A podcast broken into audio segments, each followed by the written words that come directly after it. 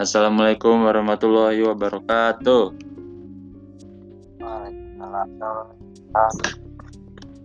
Ya kembali lagi sama gua di episode ke-6 ini dari belak-belakan dan gua kedatangan dua tamu gua yaitu dua kawan gua yang gua ajak untuk coba sparring di rekaman kali ini.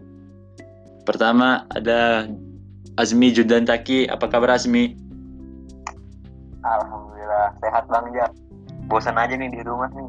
Tapi masih tet- tapi sejak sebulan terakhir di rumah terus lah ya. Oh, kadang-kadang belanja juga sih bang Jam. Kalau nggak belanja ntar lapar dong rumah. Iya betul betul. Tapi kesibukan masih aman lah ya meskipun semuanya WFH. aman, ya Allah aman. Masih karena semuanya beradaptasi, baik itu kuliah maupun organisasi. Jadi ya masih bisa kecap lah. Pelan-pelan. Organisasi itu job desknya tuh ngapain aja tuh? Wah, saya sih bantu dari belakang aja bang. Dikit-dikit. Bantu dikit-dikit. Oh iya, jabatan Anda kan lumayan tinggi ya. Wah, saya tidak punya jabatan.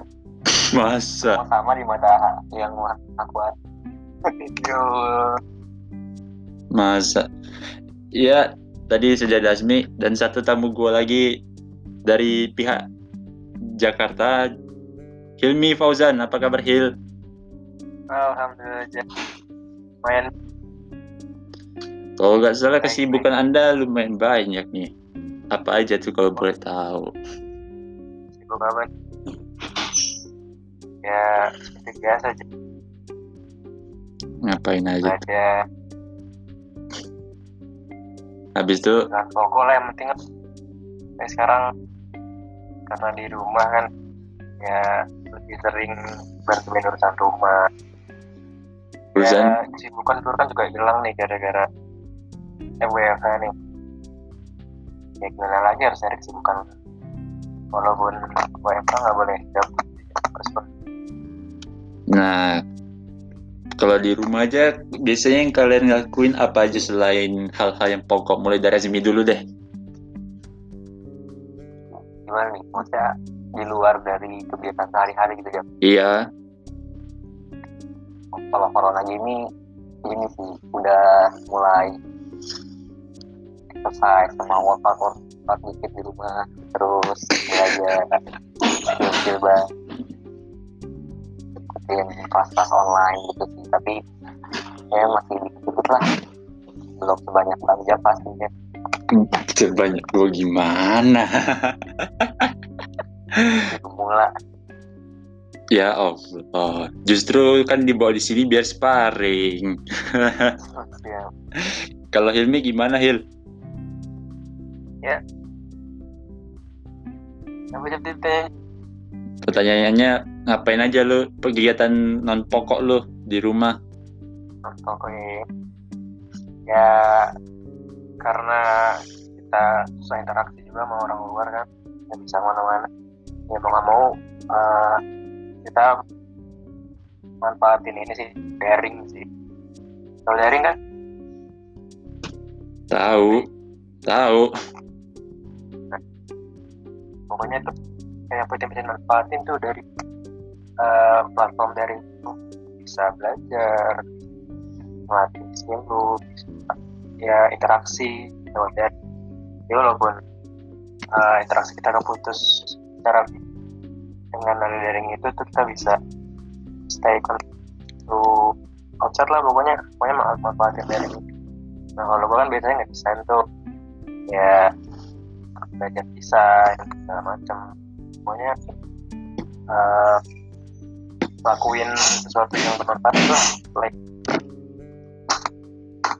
lain waktu yang pokok-pokok Oke, produktif ya. Produktif. Nah, kan udah sebulan di rumah aja. Kalian tuh merasa gimana gitu? Apakah senang di rumah aja? Atau mungkin ada yang kurang? dari dari SBT Dari lu Hil.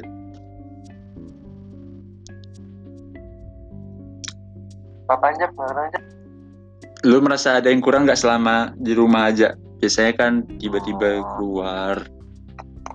Itu. ya paling ini sih paling terasa bilang ya terasa sama temen-temen sih yang biasanya tiap hari ketemu di kelas ketemu Waduh. sekarang kan kayak mentok-mentok ya ketemu di grup ngomong aja itu sih paling berasa hilang Hilang feel tatap mukanya berarti ya. iya Kalau Azmi gimana Azmi? apa nih tentang apa ya Lu selama di rumah aja merasa ada yang kurang nggak? Kalau yang kurang sih pasti ada ya. Perubahan kondisi apalagi kondisi kayak gini berubahnya ya hampir 180 derajat lah. Ah, yang paling terasa pastinya banyak tadi istri sama Bu Gelmi interaksi sama interaksi fisik. Interaksi fisik sama orang lain sama teman dan ya secara umum masyarakat yang lainnya juga. Tapi apa ya, dibilang kekuatan nggak juga sih karena ya balik kekurangan-kekurangan itu pasti muncul banyak kelebihan yang lain gitu. Jadi dengan kondisi sekarang walaupun ya kita kita bisa mungkin kita tetap sosial socially connect socially connected dan ya masih banyak cara dan pasti banyak nilai-nilai apa ya nilai-nilai positif yang muncul karena kondisi yang kayak gini entah itu bisa jadi produktif bisa spend waktu sama keluarga dan lain-lain Wah mantap. Contoh paling bermanfaat itu mulai mencoba-coba aplikasi online untuk interaksi lah ya. Contohnya kayak kita ini sekarang.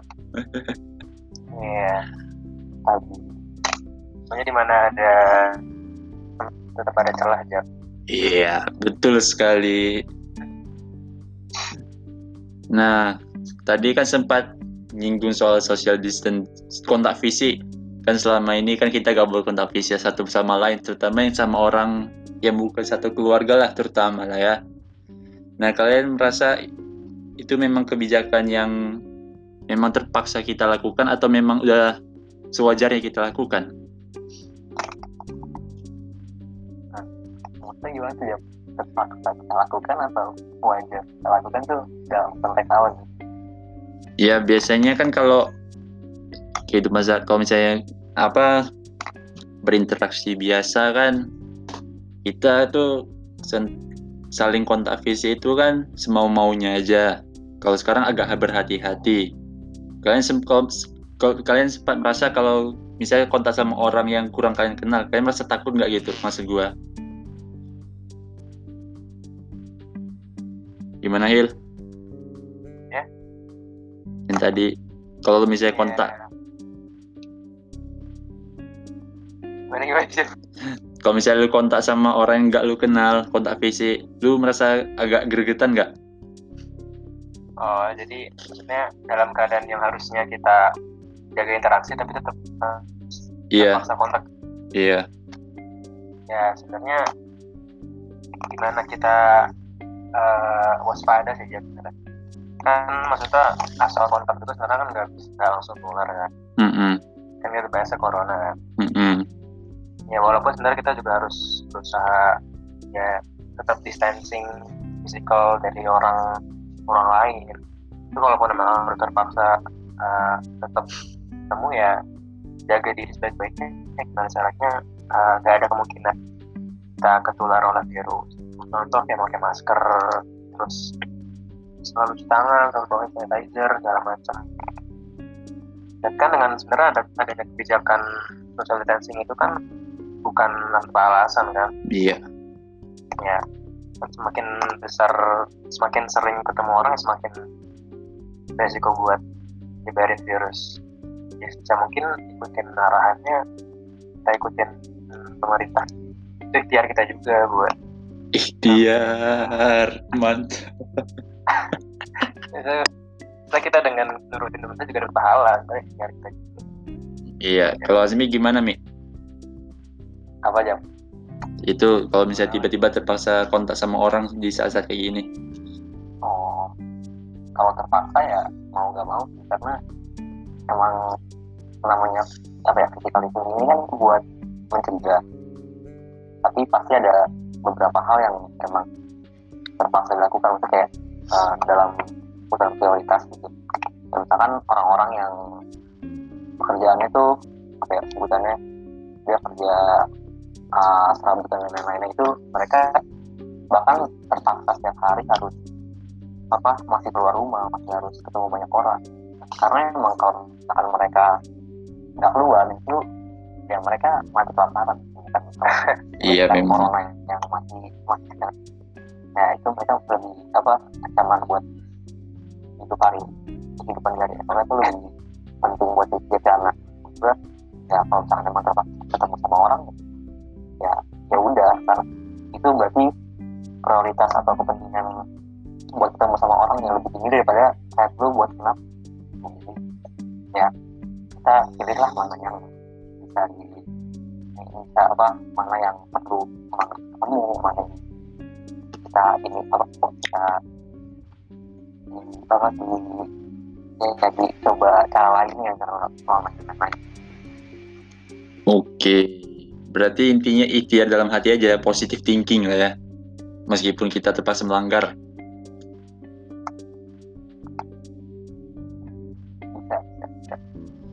BTW nyoal kebijakan yang kita kan sempat bahas tentang kebijakan.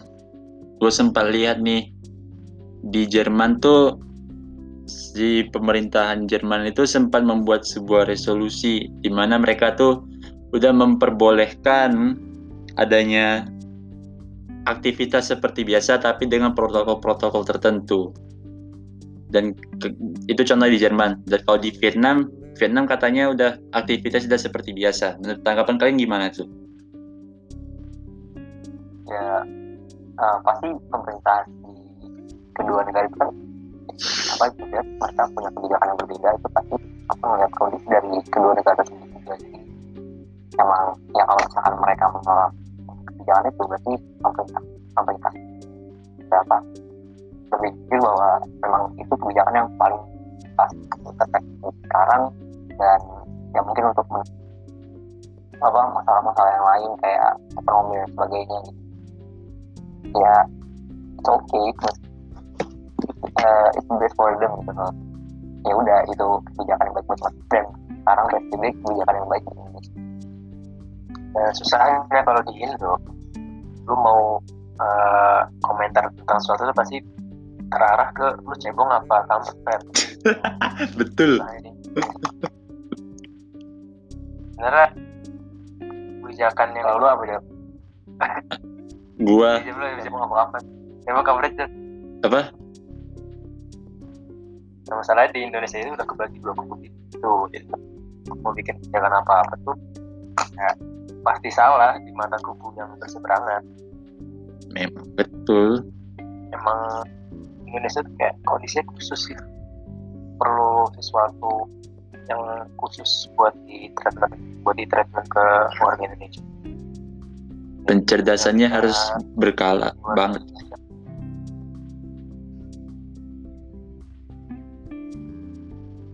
Hmm ya betul sih.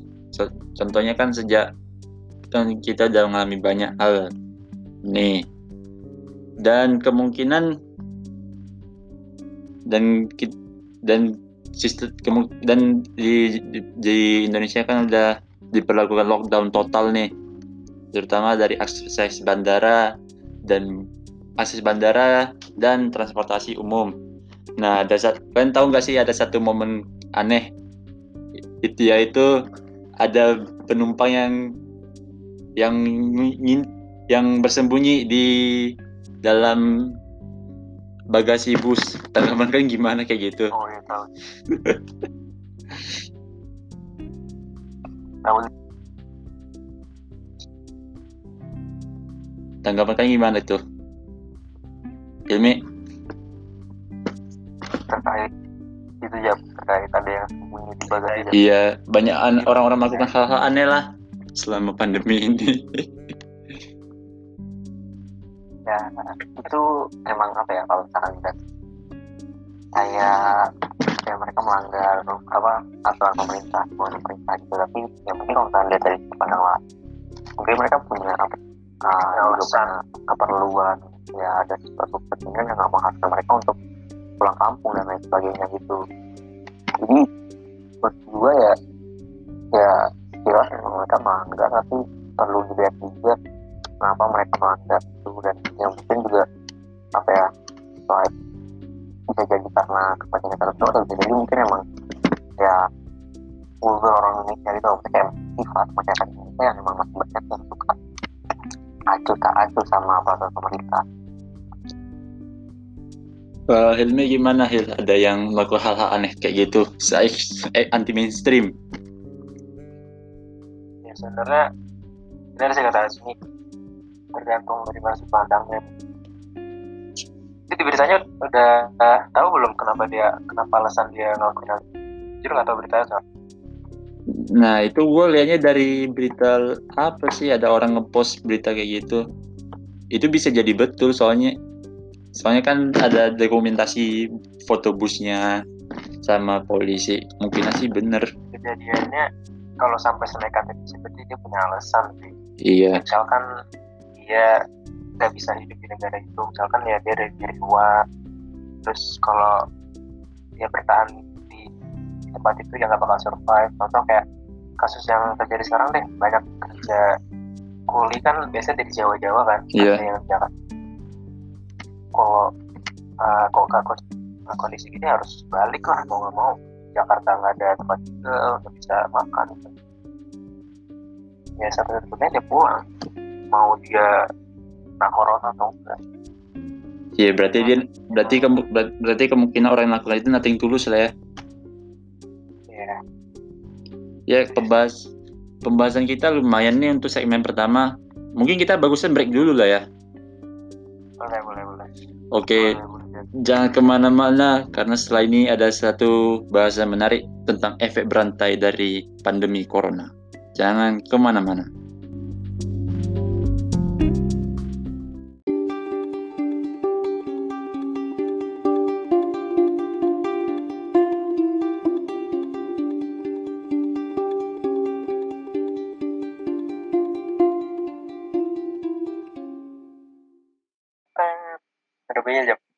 ada dong Iya. iya Ya kembali ke segmen kedua kali ini masih bersama dua tamu kece yang gue punya.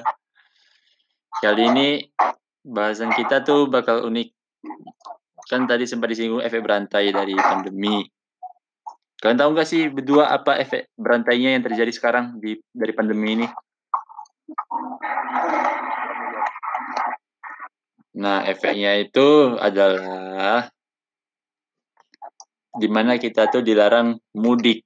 Jadi intinya kita hanya harus menetap di kota kita sekarang. Contohnya lu pada lagi di Jakarta, nggak boleh ke mana-mana. Dan orang-orang yang lain pun juga begitu. Nah, menurut kalian nih, apakah mudik ini itu hanyalah sebuah rutinitas tiap tahun atau memang hal yang betul-betul diinginkan, momennya ditunggu-tunggu oleh semua orang Indonesia? dua-duanya sih. Maksudnya ini satu yang diinginkan dari apa oleh seluruh orang Indonesia. Momennya biasanya barengan Fitri. Makanya tuh ya sekali apa kebanyakan melakukan sekali dalam tahun. Jadi tiap tahun mereka mudik tapi ya mereka melakukannya karena mereka ingin jadi eh, dulunya benar gitu gimana maksudnya Maksud gue, maksudnya ini memang keter, memang udah suatu keharusan atau memang ini opsional aja itu maksudnya? Oh. Hmm.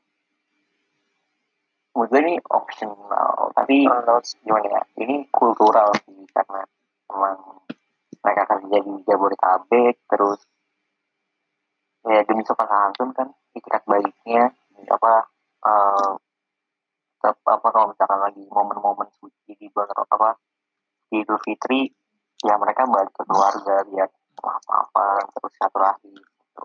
ini lebih situ lah tapi sebenarnya opsional tapi uh, jadinya kayak tuntutan moral tuntutan tuntutan budaya dan ya gini jadi terbuat kebiasaan. Gitu kalau Hilmi gimana nih menurut lo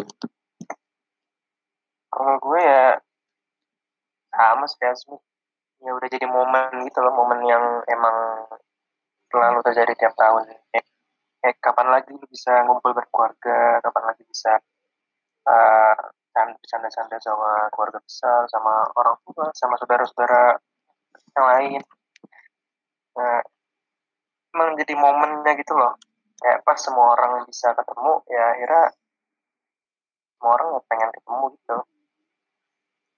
hmm. Tadi kan sempat disinggung soal budaya. Lu pada kepikiran gak sih ini itu mudik ini pertama kali muncul istilah itu dari kapan? Kepikir sempat kepikiran nggak? Istilah mudik ini sempat kepikiran nggak? Kap, sejak kapan istilah sejak kapan tradisi ini muncul? Kayaknya sih jawab gue mikirinnya mudik sama pulang kampung tuh beda apa enggak sih? Nah, uh. Kalau di pikiran lu gimana tuh, Mi? Mudik dan pulang kampung bedanya? Aduh, kalau dari ya, itu. ya tahu kan udah hafal acara di sebuah acara itu kan ada pendapat dari presiden bukan pendapat sih ya. Emang beda sebenarnya sebenarnya mudik sama kalau kata gimana? Gimana bener sih maksudnya kayak beda bisa jadi beda. Yang menurut gue yang dimaksud mbak mbak apa sih mbak hostnya itu mbak lagi itu lebih ke ya perbuatan mereka gitu loh kayak dari kota yang banyak apa terjangkit virus corona ke daerah-daerah yang masih kasusnya minim. Sebenarnya dilihat bukan perbedaan sama sekolah kampung atau kayak ya momen-momen lagi tapi lebih ke aktivitas yang dilakukan sama-sama apa dari kota yang ya dengan yang tinggi dan banyak punya kasus ke daerah. Jadi ya bisa apa karena gue juga nggak salahnya beda. Sebenarnya ujung-ujungnya sama aja orang kota yang uh, semua kembali ke kota yang, yang eh yang sebenarnya nggak berzona merah. Mau mudik mau pulang kampung cuma kan persepsi ya Indonesia lagi lagi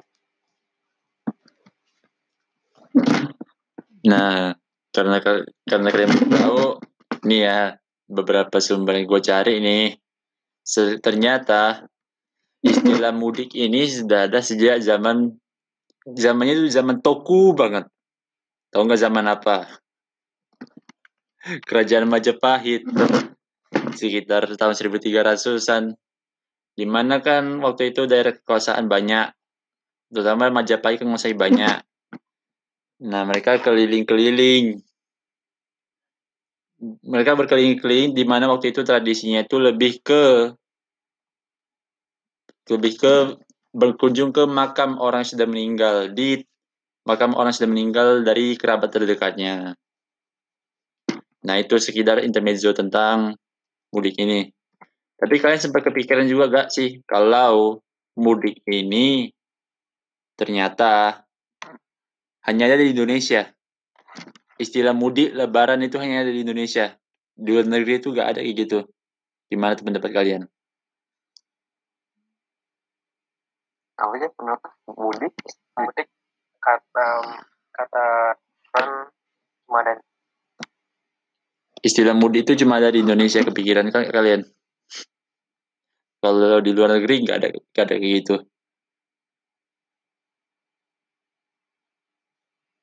Ya orang luar juga ya pertama pas Natal pas hari mereka kan mayoritas ya di sana lah. Cuma yang dijadiin momen yang itu di Indonesia sebutan yang khusus untuk pulang pulang pas ketika hari raya. Terus sebenarnya kalau mudiknya sebenarnya negara lain juga contoh ya di Amerika kalau Natalan. Pasti semua orang pada ngumpulnya di rumah. Betul. Terkait istilah mungkin di sana sebutnya apa homecoming atau apa. Oh, Azmi gimana, Mi? nah kalau Bung Azmi ya kepikiran sih maksudnya kayak ya udah mudik apa khasnya hmm, kayak ya gue juga gue gak kepikiran sih maksudnya kalau di luar negeri. Karena kayak kelihatan khas Indonesia aja gitu. Sama aslinya gimana sih gue kurang tahu soal apa? Mudik itu dari zaman Majapahit, di mana tradisinya itu orang-orang orang-orang mengunjungi makam-makam orang sudah meninggal dari kerabat-kerabat terdekat mereka. kalau menurut maksud gue di luar ya Oh, kalau di luar kan itu kalau di udah lu- lu udah bilang tadi sebenarnya lebih karena istilah lebarannya sih gua maksud gua lebaran. Di mana di luar negeri itu contohnya kalau misalnya libur contohnya kalau kan Idul Fitri itu biasanya tanggal merah. Nah, di sana tuh gak ada istilah H plus 1, H plus 2. Jadi hari selanjutnya bisa aja mereka kerja, bisa aja bisa aja gak libur. Dan kalau di Indonesia lebih unik karena ya itu tadi banyak contohnya pekerja kan dikasih keringanan seminggu, dikasih libur seminggu setel, selama antara setelah lebaran sam, dari sebelum lebaran sampai setelah lebaran dikasih mudik seminggu. Nah, lanjut ke pertanyaan selanjutnya, menurut kalian nih apakah tidak mudik itu kan kebijakan tidak mudik itu pertama kalinya di Indonesia ini seingat gua ya. Mungkin tahun lalu tahun-tahun sebelum mungkin zaman dulu pernah mungkin waktu masa penjajahan mungkin pernah kali.